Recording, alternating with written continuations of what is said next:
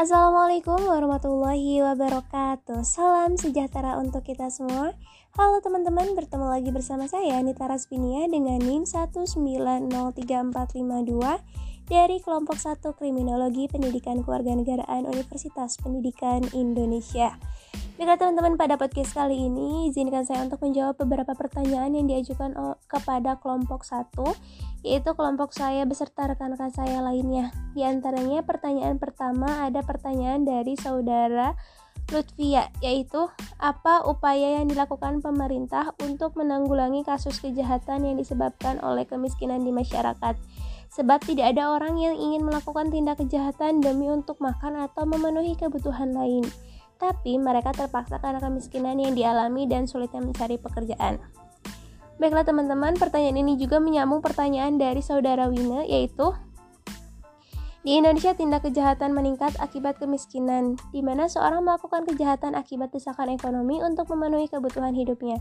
Lalu bagaimana tanggapan kelompok bahwa di Indonesia sendiri pemerintah sudah membuat beberapa program untuk memenuhi kebutuhan hidup bagi masyarakat miskin, seperti program jaminan kesehatan masyarakat, program beras, dan lain-lain.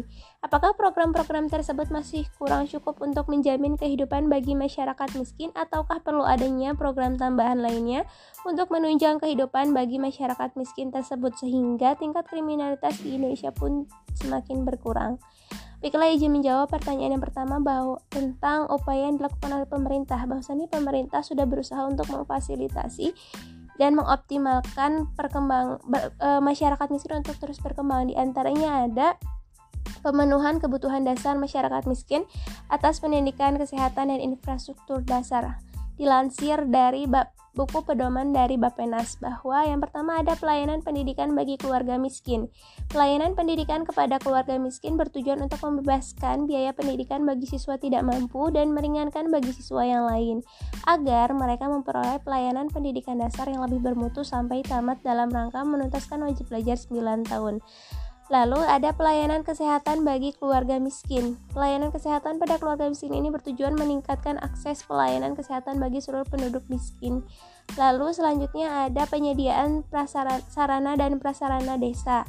Penyediaan sarana prasarana desa dilakukan di daerah yang dikategorikan banyak dihuni keluarga miskin yang dilakukan dengan tujuan memberikan lapangan kerja dan perluasan lapangan usaha kepada keluarga miskin dan juga bertujuan menyediakan sarana fisik yang mendukung kegiatan ekonomi keluarga miskin di pedesaan.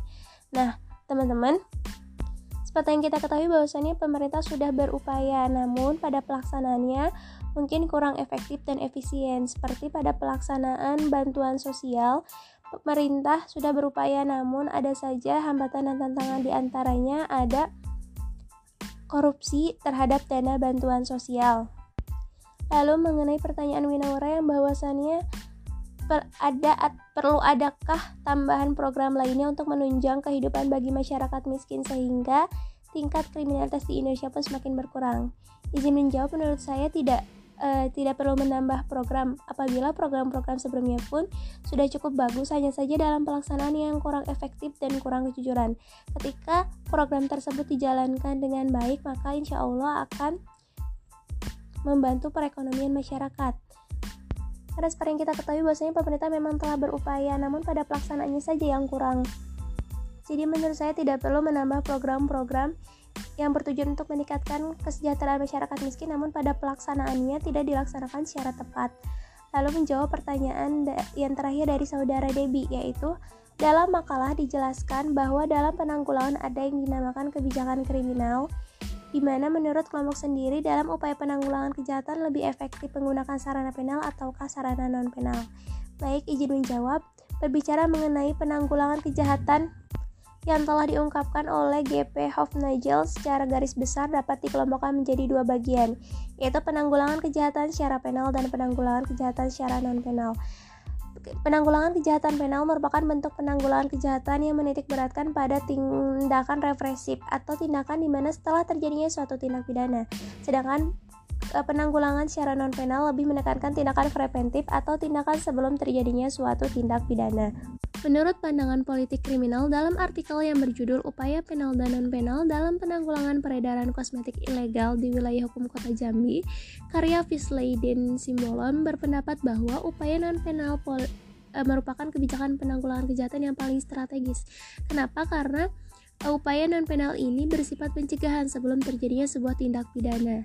Sarana non penal adalah menangani dan menghapuskan faktor-faktor kondusif yang menyebabkan terjadinya suatu pidana. Mengingat upaya penanggulangan kejahatan lewat jalur non penal lebih bersifat tindakan pencegahan untuk terjadi kejahatan. Maka sarana utamanya adalah menangani faktor faktor kondusif penyebab terjadinya kejahatan karena dalam peribahasa pun lebih baik mencegah daripada mengobati. Baiklah teman-teman, mungkin cukup sekian yang bisa saya sampaikan. Dilanjut oleh rekan saya selanjutnya apabila jawaban saya kurang memadai. Cukup sekian, mohon maaf apabila terdapat kesalahan. Wassalamualaikum warahmatullahi wabarakatuh.